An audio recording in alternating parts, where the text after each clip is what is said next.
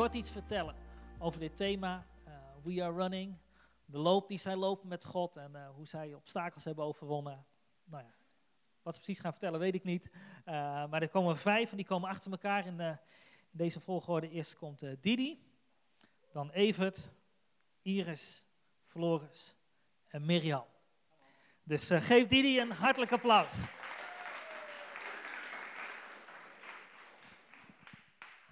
Hoi, ik ben uh, Didi Verree. En uh, ik kom eens een beetje 2,5 jaar zo bij Connect Kerk hier. En aan de hand met een beeldend iemand. Ik vind het altijd fijn om het aan beelden iets uit te leggen. En vorig paar jaar geleden ging het niet zo heel erg goed met mij. Ik had heel veel strijd in mezelf. Ik wist allemaal niet meer zo goed hoe en wat. En ja, net hoe ik nu eigenlijk zucht, zo voelde ik me, ik ook. Echt zo van, was depressief. En toen eigenlijk ben ik, uh, uh, um, eigenlijk in een opleiding wat ik zit, heb ik, had ik een eind iets moeten maken wat ik me voor dit jaar voelde. En ik laat het een beetje zien. En ja, dan kan ik zien het beetje het proces wat in mij zat. En um, je ziet eigenlijk hier een beetje, ik wist ook helemaal niet, dan ga ik beginnen, maar dan weet ik helemaal niet wat er gebeurt. Maar je ziet eigenlijk een hart, binnen in het hart zie je allerlei mooie schitteringen en mooie dingen die er, die er zijn. Maar eigenlijk om mijn hart had ik een hele diepe rand. En echt, als je er ook overheen voelt, het is ook echt, ik werk dan met textiel veel, en dan voel je ook een diepe rand met allemaal groeven. En je ziet ook eigenlijk alle randen die er eigenlijk omheen zijn, zie je eigenlijk aan de rand en aan het ja, verdriet, teleurstelling, zorgen. Ehm, allemaal ook zeker teleurstelling. En ik was eigenlijk, zat ik er een beetje hierin. In, en ik durfde er niet meer uit te komen. Ook niet meer zo om me helemaal uh, te geven aan mensen. En um, ja, en ik weet dan dat God inderdaad bij me is, maar toch val ik altijd in die valkuil van uh, het zelf doen. In mezelf. En ik heb dus vijf of 22 jaar geleden heb ik eigenlijk, ben ik gedoopt. Kreeg ik een, uh, ehm, 25 jaar geleden kreeg ik een dooptekst. En het is dan Johannes 15, vers 4. Blijf gelijk als in, in, mij, hè? blijf in mij, gelijk ik in u. En blijf in mij, dan blijf ik in jullie. Een rank die niet aan de wijnstok blijft, kan uit zichzelf geen vrucht dragen. Zo kunnen jullie niet in mij blijven. En iedere keer wil ik het zelf doen. Mijn valkuil, mijn running. Nee, blijf in mij, gelijk ik in u. En als ik dat weer heb, weer eventjes van, ja heer, ik kom bij u schuilen, ik geef het aan u. Komt er inderdaad een weer eigenlijk dat God mij het geeft. Je ziet eigenlijk gewoon, dat spruit er dan weer uit. En dan gaat het weer stromen. En dan komt het er eigenlijk weer uit zoals God mij gemaakt heeft en bedoeld heeft. Maar het is een proces. En het blijft eigenlijk ook heel vaak, wat ik ook meemaak, dat ik denk van, oh, ik moet weer niet die rand om mijn hart laten komen. Verzacht me, Heer, verzacht me. En inderdaad, daar heb ik echt God voor nodig. En eigenlijk deze, ja, zo mooi hè, dan word je gedoopt en dan krijg je zo'n mooie tekst. En op dat moment weet ik helemaal niet wat met die tekst dan moet. Maar iedere keer komt hij weer terug. Zo mooi dat God ook die waarheid van mij zo kent. En hij kent mij door en door. In mijn strubbelingen, in iedere keer. Maar eigenlijk, ja, van, ah, Heer, hè, help me. En ja, en dan eigenlijk door uh, doordat God eigenlijk door mij heen werkt, ben ik ook heel verbaasd soms wat eruit komt. En denk, wauw, Heer, u bent bij mij. En u laat zien waar u mij voor bedoeld hebt en waar u mij voor bestemd hebt. Maar het is soms, het is ook een proces. En, en je, ja, uh, die rand om mijn hart, dat is mijn valkuil. Maar God weet het. En iedere keer kan ik terugkomen bij Hem. Blijf in mij, dan blijf ik in jullie. Een rank die niet aan de wijnstok blijft, kan uit zichzelf geen vrucht dragen. Zo kunnen jullie niet in mij blijven. Zo kan ik niet in hem blijven. Wij doen niks aan onze druif thuis. Man, als je dat ziet, dat er niet gesnoeid wordt en helemaal niks daar gebeurd wordt, nou dan is het echt. Het is gewoon een oerwoud. hele tuin, alle, alles gaat alle kanten op. Maar als het, dus ik weet, dat is ook een beeld, dat is ook beeldend voor mij ook. Om dat dan te zien van, ho, ja, uh, het is wel eens een keer goed dat er gewoon gesnoeid wordt. En, en een keer even heel zorgvuldig, want dat is onze lieve Heer van zo zorgvuldig met, dat vind ik zo ook heel ontroerend, dat hij precies weet op de precieze tijd, en precieze tijdstip, wat ik nodig heb. Maar dan inderdaad, net het lied net zong, op hem te vertrouwen. En dat is ook soms, een, dat is ook het proces om te mogen leren vertrouwen op hem. Stapje voor stapje. En ja, eigenlijk aan de hand van dit schilderij wilde ik jullie gewoon een beetje meenemen in mijn hart. En ja, soms zit alles zo in ons. Maar als we het uiten, dan kunnen we het zien. En ik wil heel graag aan jullie laten zien wat er in mijn hart speelt. En zo wil ik jullie ja, uh, ook een beetje leren kennen. En dat jullie mij leren kennen. En dan we verbinding krijgen met elkaar daarin. Dus uh, blijf in mij, gelijk ik in u.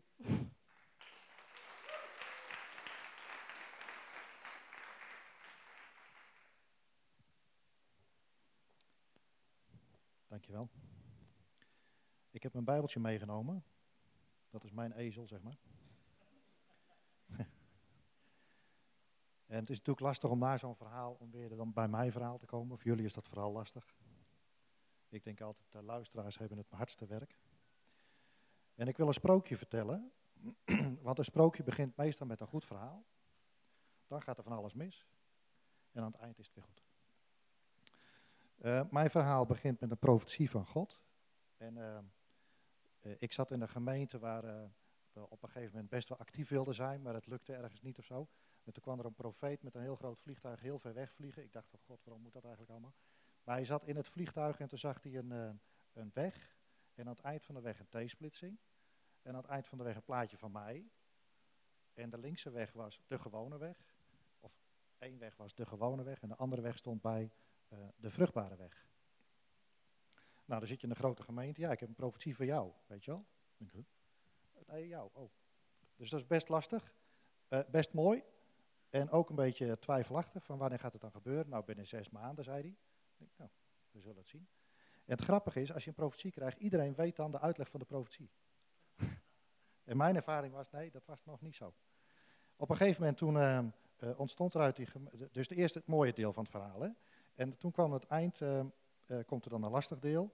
Maar het eerste deel van die profetie was dus de uitkomst van die profetie. Want uh, uit die gemeente ontstond een hele mooie gemeente en wij mee. En actief ons best doen. En ja, na drie maanden zeg ik God en vrucht en zo. En toen zei God, ja, maar op dezelfde zondag is er ook een andere kerk ontstaan. Oh, oeps. Weet je wel, dus ik zat op de gewone weg, dus ik terug. En hebben we een geweldige tijd gehad. Uh, iedereen heeft iets in de gemeente, staat ergens. En uh, in mijn geval uh, wil ik graag de Bijbel uitleggen, dus daarom heb ik dat ding maar meegenomen. dus dat deed ik ook in die gemeente. Dat ging vanzelf een soort van. Dus God bracht een mooie vrucht voort. En ehm, dus echt een geweldige tijd gehad. En toen waren de dingen in die gemeente wat niet meer ging. Ik kon het niet volhouden, ik, ik trok het gewoon niet meer. En de, de uitleg ervan zal ik niet geven. Maar het gevolg was dat ik daar wegging. Dus dan krijg je een periode, het moeilijke deel zeg maar, en dan moet ik mijn blaadje omdraaien om een beetje bij mijn tekst te blijven. Uh, toen dat stopte, toen kreeg ik zoiets van, heb ik dan de goede wedloop gelopen? Uh, pff, weet je wel, via running, ja, ben ik dan gestopt of zo? Weet je het staat hier hè. Laten we dan alle last van de zonde waarin we verstrikt raken, en in deze vertaling staat, waarin we zo makkelijk verstrikt raken. Of dat ons zo makkelijk hindert. Dus ik heb een lange tijd gehad dat ik dacht, God, hoe kan dat nou? Hoe zit dat nou? Een profetie, prachtige profetie. Geweldige vruchten gezien. Kloek. Dus ik vond dat best heel lastig. En uh, dan kom je bij God en uiteindelijk zegt God, lees nou eens verder. En dan staat daar dat ik mijn blik gericht hou op Jezus. De voleinde van het geloof. Dus ik weet niet hoe het met mijn geloof zat, ik weet niet waar ik zat, maar ik zat in zo'n periode wat vorige week Judith vertelde. Dus ik haak er helemaal bij aan, weet je wel. Je hebt zomaar de neiging om depressief te worden. En dan komen er allerlei zondes in je leven. Ik praat voor mezelf en niet voor jullie. Want jullie zijn waarschijnlijk de heiligen onder ons. Amen.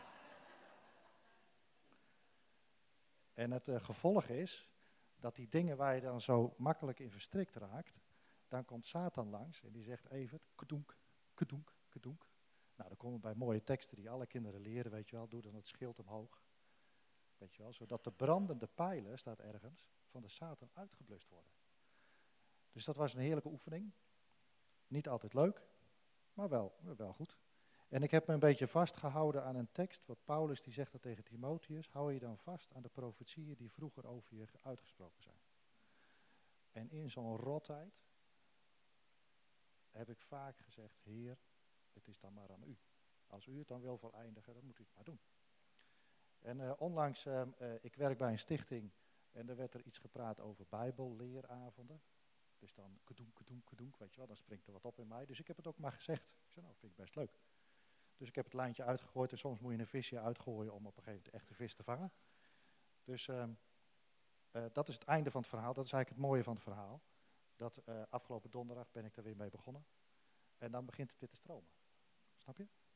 Er is een heel mooi beeld. Um, er wordt vaak gezegd, het is een trechter. Hè? We moeten een trechter omhoog zo. Dan kan God er wat in doen.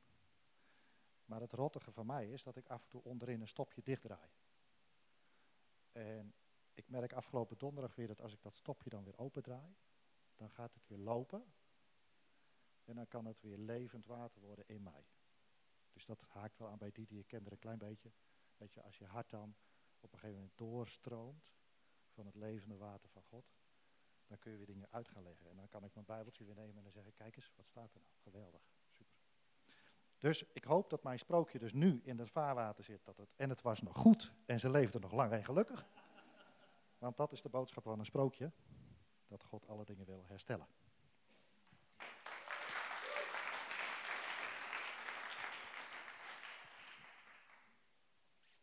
Yes, dan is het aan mij.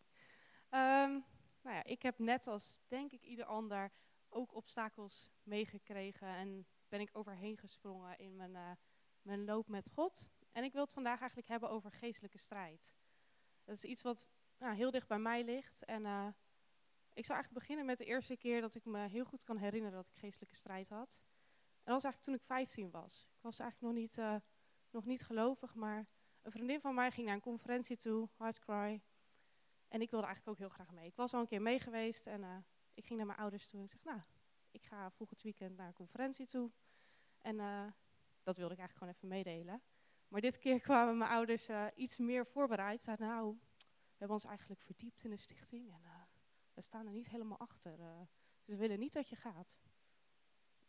je maakt een grapje, denk ik. ga gewoon, ik ben een tiener, ik ga iets voor God doen. Ik ga naar een christelijke conferentie toe niks mis mee, toch? Mijn vriendin die is uh, veel streng christelijker opgevoed in de Gergem en die mag ook. Dus als zij al mag, dan mag ik ook. Dus nou ja, ik woordenwisselingen met mijn ouders en uiteindelijk ben ik gegaan. En nou, ik zat die dag op school, begon dat op vrijdagavond.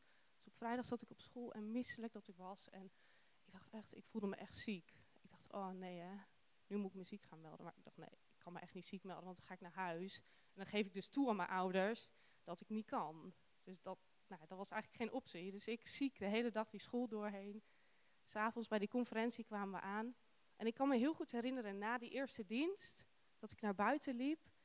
En dat ik een hele mooie maan zag. En gewoon zo'n, soms dan loop je naar buiten en dan zie je zo'n zo'n hele grote oranje maan. Nou, dat is wat ik zag. ik keek daarnaar, ik was echt een beetje verwonderd. Ik dacht, wauw, hoe gaaf die maan. ik stond er even bij stil van hoe goed God eigenlijk is, hoe mooi die alles gemaakt heeft. En op dat moment besefte ik me ook dat ik me eigenlijk helemaal niet meer ziek voelde. Er was echt niks meer aan de hand.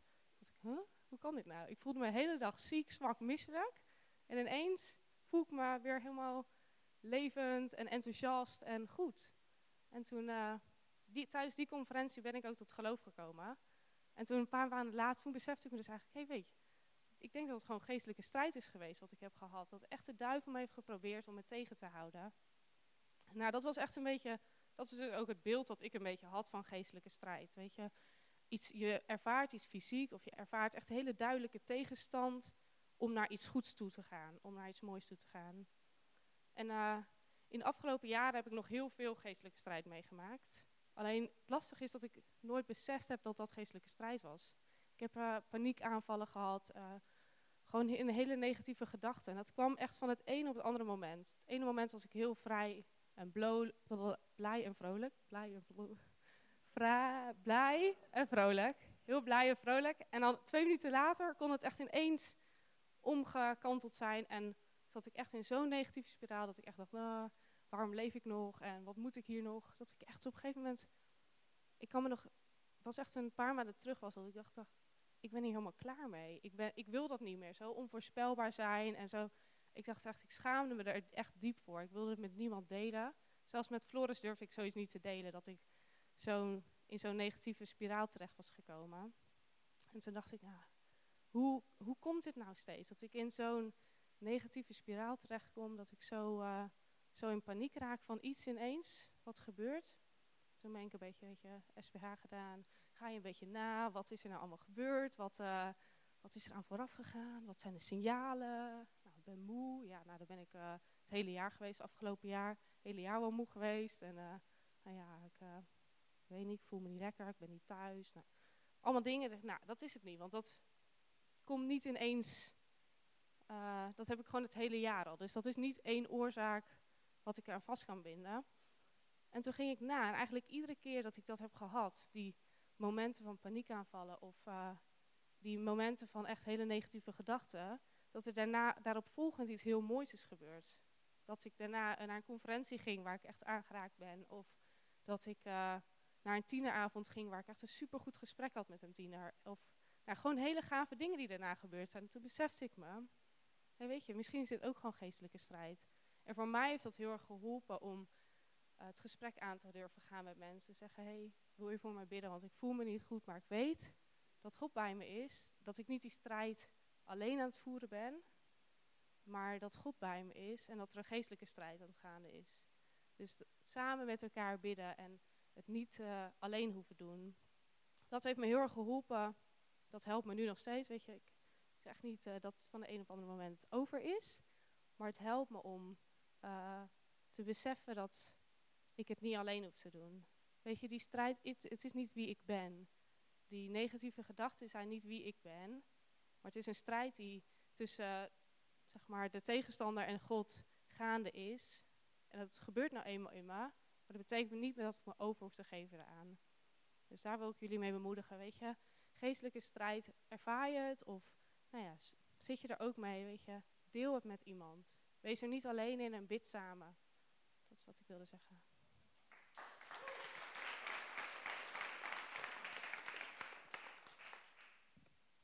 Dank je. Hoi, ik ben Floris. Um, dat is mijn vrouw hier, die net sprak. Uh, ik wil vandaag uh, vertellen over een hindernis die ik in mijn leven heb gehad en die ik heb overwonnen. Um, ik wil eerst even beginnen met een tekst die ik vanochtend las. Het sloot perfect aan op wat we vandaag over hebben, over de wedstrijd die voor ons ligt, over de hindernis die we overheen gaan. Um, er stond vanochtend, ik, vast hebben jullie hem ook wel gelezen. Samen met u durf ik een leger tegemoet te treden. Ja, met mijn God kan ik over muren springen. Dus ik heb over een muur heen gesprongen toen ik 15, 16 was. Um, was een periode daarvoor dat ik me heel lekker voelde in het eerste. En uh, ja, waar ik gewoon vrienden had, een grote groep om me heen. Uh, waar het thuis goed ging. Uh, totdat ik het tweede begon. En uh, toen werd ik gediagnosticeerd met ADD en dyslexie. En vanaf toen, ik was altijd al wel een beetje gevoelig voor enge films. Als ik een enge film had gelezen, gezien, uh, was ik een paar maanden gewoon echt best wel onder de indruk daarvan. Dus kon ik slecht slapen, uh, slecht in slaap komen. Um, maar dat had nooit zo heel diep invloed of heel grip dat ik uh, maandenlang of een heel jaar onder belast was. Maar ik begon dus pillen te slikken, um, medicijnen, niet pillen. Concerta, Concerta begon te slikken. En dat had dat op een of andere manier maakte dat me nog gevoeliger voor angst. En sindsdien um, had ik echt elke nacht dat ik in het donker echt heel bang was en niet kon slapen. Bang was voor geesten of demonen. Dat ik ze zou zien. Dus ik verstopte me ook onder de dekens. En ik was 14 toen. Dus ik dacht, wat ben je nou een mietje, joh. Maar toch overviel het me en beklemde het me echt enorm. Dus dat was echt heel nare tijd. Ehm, daardoor verloor ik ook de vrienden die ik had. Eh, ik had uiteindelijk nog maar één goede vriend op school. Dat was sowieso een heel fijne vriend waar ik gewoon alle tijd mee door, eh, door, door mee bracht. Ehm, die me ook hielp eh, toch nog vrolijk te zijn. Ehm, maar dat, hield- dat hield zo vol voor twee, drie jaar. En ja, ik wist gewoon niet hoe ik eruit zou kunnen komen. En elke avond, ik wist ook dat ik, als ik angst had, ik naar God kon gaan. En ik ging ook naar Katgezaat en ik geloofde ook wel.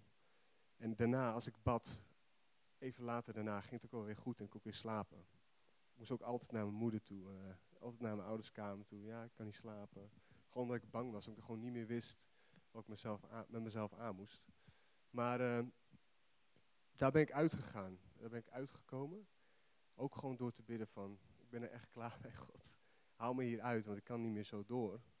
Eh, want het werd op een gegeven moment op zo'n, best wel heftig ook. eh, dat ik op school liep en dat ik me zo beklemd voelde van alles om me heen. eh, dat ik gewoon niet meer wist of ik mezelf wel was. Dat was echt een heel naar, weet je, een paniekaanval denk ik. Dat was een heel naar moment. Maar uit het vierde kwam ik, ik was ze- 16 of zo. Toen begon het naar beneden te gaan. Ik, ben, ik was gestopt met de pillen slikken ook. Het was nog niet gelijk weg en ik wist ook niet dat het gekoppeld was aan elkaar. Maar eh, na het vierde begon het langzaam af te ebben en steeds beter te gaan. Tot het er niet meer was. Ik weet ook niet meer precies het moment dat er één keer over was.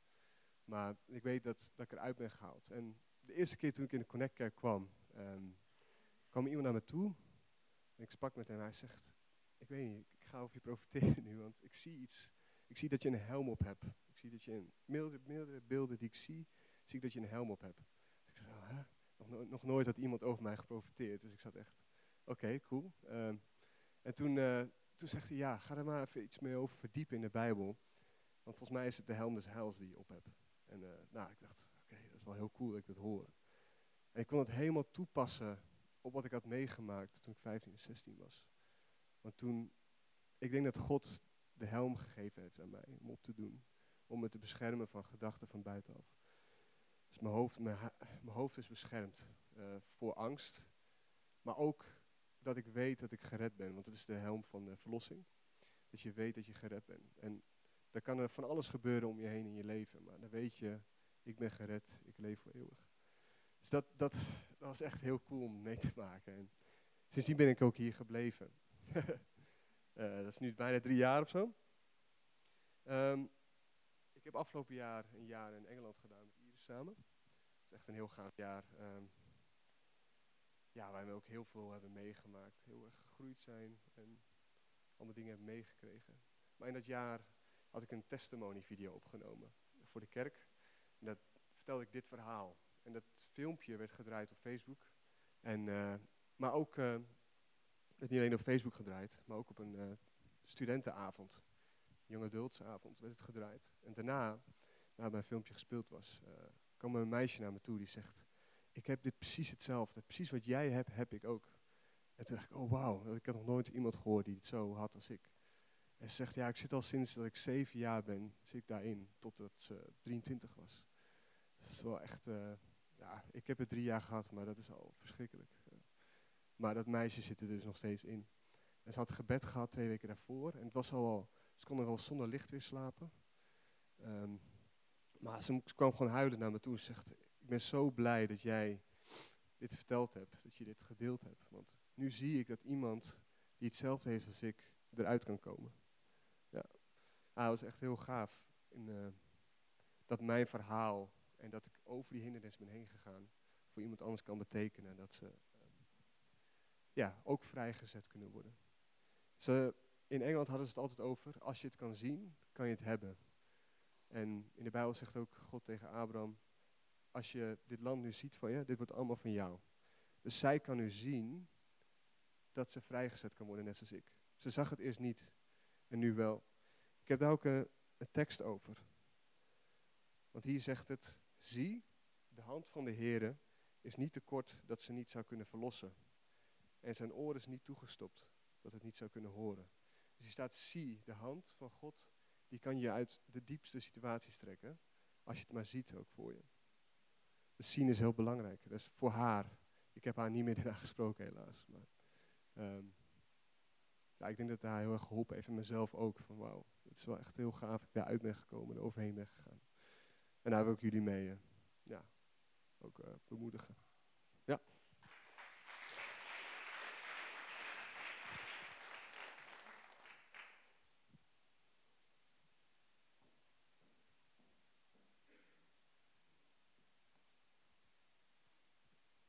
Nou, goedemorgen allemaal. Um, de hekkensluiter vandaag, gelukkig. um, ja, in mijn voorbereiding ben ik aan het denken geweest, wat, wat is nou eigenlijk volharden? En um, volharden begint als geloven voorbij de fijngrens komt. Als je uh, minder van God gaat voelen, als er gewoon een, een berg op in je leven opdoemt. En ja, ik wil graag wat dingen delen die ik van God geleerd heb op die momenten. Het allereerste wat ik geleerd heb is volharden is een werkwoord. Ik volhard, jij volhard, wij volharden. Um, dus de actie ligt bij ons. Um, en die actie is eigenlijk heel simpel, uh, maar heeft ook best wel soms grote gevolgen. Uh, want volharden komt in mijn leven neer op een dagelijkse keuze maken. Ga ik samen met God die berg op of ga ik het zelf doen? Kortom, vertrouw ik op God en geef ik Hem de controle of denk ik dat ik het zelf wel af kan? En volharden, dat, uh, even alle duidelijkheid, heeft dus niks te maken met vrij koppig je eigen zin doordrammen. Ben ik heel goed in. Werkt niet. Um, maar wel met samen met God op weg gaan. Hem vertrouwen en God het stuur in handen geven. Um, nou, ik, um, een van de, nou, doe dan maar meteen de grootste berg in mijn leven, als we dan toch iets moeten doen. Uh, ik was 21, druk met afstuderen. Ik had mijn plekje in de kerk gevonden en ik was bezig om een toekomst vorm te geven. En uh, ik werd door mijn vader gebeld op 6 december. Um, kun je direct naar huis komen? Um, thuis kreeg ik te horen dat mijn moeder kanker had. En in een dusdanige vorm dat we eigenlijk afscheid moesten nemen en um, geen oud en nieuw meer samen konden vieren. Nou, daar ging mijn wereld. De rest van de dag heb ik eigenlijk maar twee woorden gebeden. Heer, help. En onze gemeente heeft meteen de volgende dag een dag voor gasten en gebed uitgeroepen. En um, die dag daarna voelden we echt dat we de kracht kregen om weer door te gaan. En God gaf mij spreuken 3. Vertrouw op de Heer met heel je hart. Steun niet op je eigen inzicht. En denk aan Hem bij alles wat je doet. Dan baant Hij voor jou de weg. En terwijl wij aan het vasten en aan het bidden waren, belde de dokter. Hij zei, ik weet niet waarom, maar ik moet je doorsturen naar Nijmegen. En um, in Nijmegen bij de, bij de artsen bleek dat tijdens een kijkoperatie, tot hun eigen stomme verbazing, dat mijn moeder een ander soort kanker had, die wel behandelbaar was. En um, nou, wij waren natuurlijk wel heel opgelucht. maar na de operatie ontstonden er levensbedreigende complicaties. En ook daar greep God in. En tot stomme verbazing van de artsen overleefde mijn moeder ook een spoedoperatie. En na een half jaar behandelen was ze schoon. Wij waren zo dankbaar. Um, dat geluk duurde vijf maanden. Toen was de kanker in volle hevigheid terug. En um, ja, was er eigenlijk alleen nog maar, uh, menselijk gezien, alleen nog maar uh, pijnbestrijding mogelijk. En wat er volgde waren drie jaren vol onzekerheid, zorgen en geen wonderen en geen groots ingrijpen van God. En helaas ook geen happy end. Mijn moeder is overleden.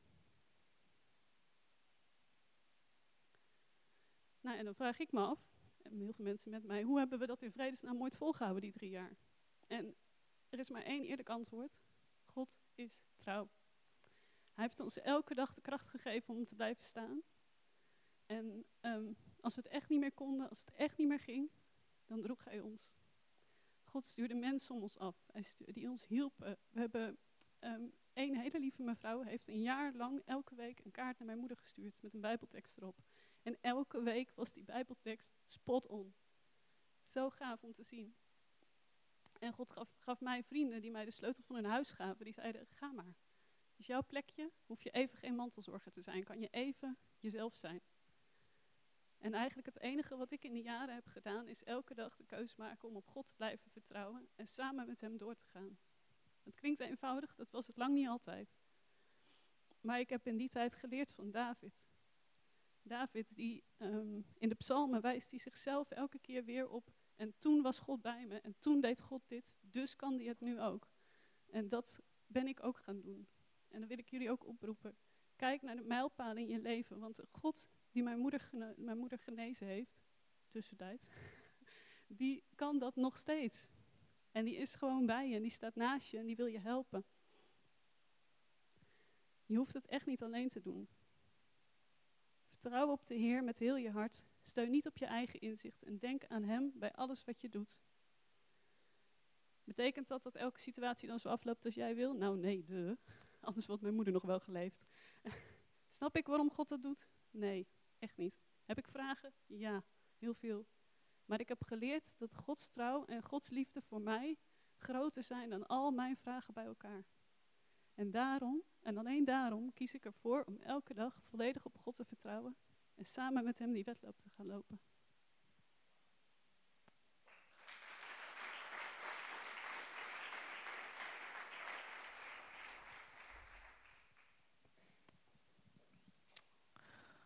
Wauw. Vier, vijf mensen die iets vertellen over.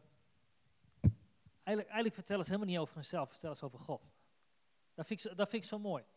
Vijf mensen die door, door nou ja, allerlei verschillende dingen heen gegaan zijn. En uiteindelijk gewoon simpel tot de conclusie komen. God is de held. Weet je, dat is we hebben het begin dit jaar gehad over die, uh, die geloofshelden. Weet je, en als je terugkijkt naar de Bijbel, uh, Hebreeën 11 begonnen we daarmee, dan lezen we al die mensen. Soms kunnen we het beeld hebben van, oh, dat, zijn de helden, weet je al. Maar ik geloof, de echte held is degene die kan wijzen naar God. En dan denk ik, deze mensen, die, hebben een verhaal verteld, maar in mijn ogen, en niet voor jullie, is mijn, in mijn ogen zijn het helden. Gewoon in alle eerlijkheid en alle oprechtheid zeggen, weet je, ik ben door strijd, moeilijkheden, problemen, van alles heen gegaan. Maar dankzij God sta ik hier nog. En kan ik getuigen. En het is niet altijd leuk, het is niet altijd mooi. We gaan soms door, enorme rotperiodes heen. Maar is God daar nog steeds. Neem ik mee deze, deze, deze ochtend. En ik hoop dat jullie dat ook meenemen. Dat wij ook doorheen gaat. Want die berg, hè, we, allemaal, we zijn onderweg. En soms zit je boven op de berg, soms sta je voor die berg en dan moet je er nog overheen. Weet je, maar God is trouw. Amen. Zodat uh, wat uitbidden. God, u bent trouw. En God, we gaan allemaal, zijn we op weg. We hebben allemaal een leven die we leven met, met, met ups en downs. En God, dan mogen we weten als wij onderaan die berg staan. Dan weten we, er is nog een, nog een rot te gaan. Maar dat u ons draagt, dat u met ons bent. Dat u ons doorheen haalt. Daar dank u voor. Er is overwinning. Jezus opgestaan.